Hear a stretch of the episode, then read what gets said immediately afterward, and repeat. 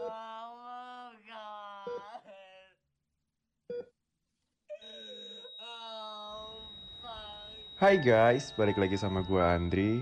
Selamat datang di Lowbat Podcast. Seperti biasa, gimana hari ini? Capek ya? Sini, duduk dulu. Ambil posisi ternyaman kalian. Yang rokok, dinyalain rokoknya. Yang ngopi, dinikmati kopinya. By the way, tahu nggak sih guys, kalau selama ini gue tuh produksi Lobet Podcast pakai Anchor.fm. Karena asli, menurut gue gampang banget bikin atau rekaman podcast pakai Anchor.fm ini. Udah gratis, lengkap lagi. Mulai dari record, editing, sampai tahap distribusi ke Spotify dan beberapa platform lainnya, semua bisa dilakukan hanya dengan satu aplikasi. Buruan deh, download Anchor.fm di Play Store atau App Store dan mulai podcast kalian sendiri. Sebelum episode ini dimulai, jangan lupa untuk follow, nyalain lonceng notifikasi, dan bantu kasih bintang ya. Oke, sebelum episode ini dimulai, gue mau baca-baca komen dulu nih dari teman-teman Lowbat yang udah mulai nyoret-nyoret kolom komentar di Noise. Kali ini ada Kak titik koma underscore di episode 23% gua depresi. Dan aku masih terjebak di F32.2. Hmm, kalau nggak salah nih ya, F32.2 itu adalah MDD atau Major Depressive Disorder. Nah, buat teman-teman yang belum tahu, MDD itu adalah sebuah mental ill yang biasanya membuat para pengidap MDD ini nggak bisa ngontrol rasa khawatir, cemas, dan moodnya gitu. Jadi biasanya para pengidap MDD ini sering banget mengkhawatirkan hal-hal secara berlebihan. Atau bisa juga mengalami gangguan seperti mood swing yang ekstrim. Buat Kak titik koma underscore nih, semoga lekas membaik, medisinnya dikontrol terus supaya bisa cepat kembali ke kondisi stabil dan normal. Oke, tanpa panjang lebar lagi, this is 67%.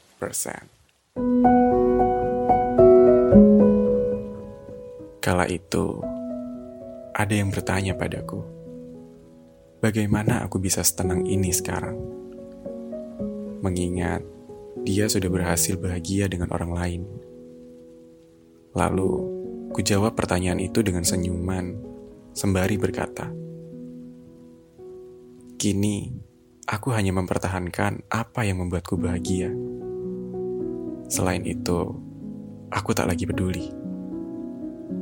Karena kini menurutku, tak ada yang lebih pantas untuk kuperjuangkan selain bahagiaku sendiri. Bukan, aku bukan berhenti mencintai. Aku hanya berhenti untuk memaksakan keadaan. Aku berhenti untuk menaruh bahagiaku pada orang lain. Karena semakin ke sini, hidup mengajarkanku bahwa tak ada yang bisa menjamin kebahagiaan selain diri sendiri. Aku sudah terlalu lelah untuk menaruh bahagiaku pada orang lain.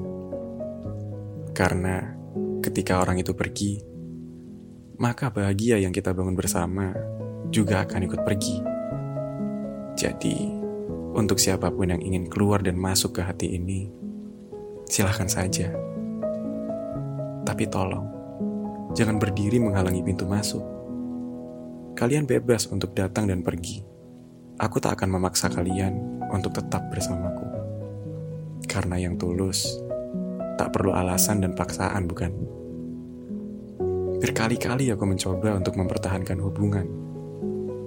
Tapi nyatanya, aku hanya menunda perpisahan. Dari situ, akhirnya aku menyerah pada keadaan. Karena tak peduli seberapa keras kalian mencoba, yang sudah berniat pergi, tetap akan pergi suatu saat. Mungkin tidak ada kata perpisahan hari ini. Tapi bagaimana dengan besok? Minggu depan? Bulan depan? Atau beberapa tahun selanjutnya mungkin? Si, tak ada yang bisa menjamin kebahagiaan selain diri sendiri. Jadi, berhentilah memaksa keadaan. Stop berusaha memberikan warna pada orang yang buta warna. effort dan air matamu terlalu berharga untuk dihabiskan pada orang yang salah. It's okay to be not okay. It's okay to be a single for a long time. Jangan takut sendiri. Jangan takut kehilangan rumah. Pulanglah. Pulang pada diri sendiri. Sudah berapa lama rumah itu kamu tinggalkan dan tak kamu anggap ada? Tata ulang semuanya dari awal. Ciptakan suasana yang nyaman dan bahagia di dalamnya. Karena percaya atau tidak, rumah ternyaman adalah diri sendiri.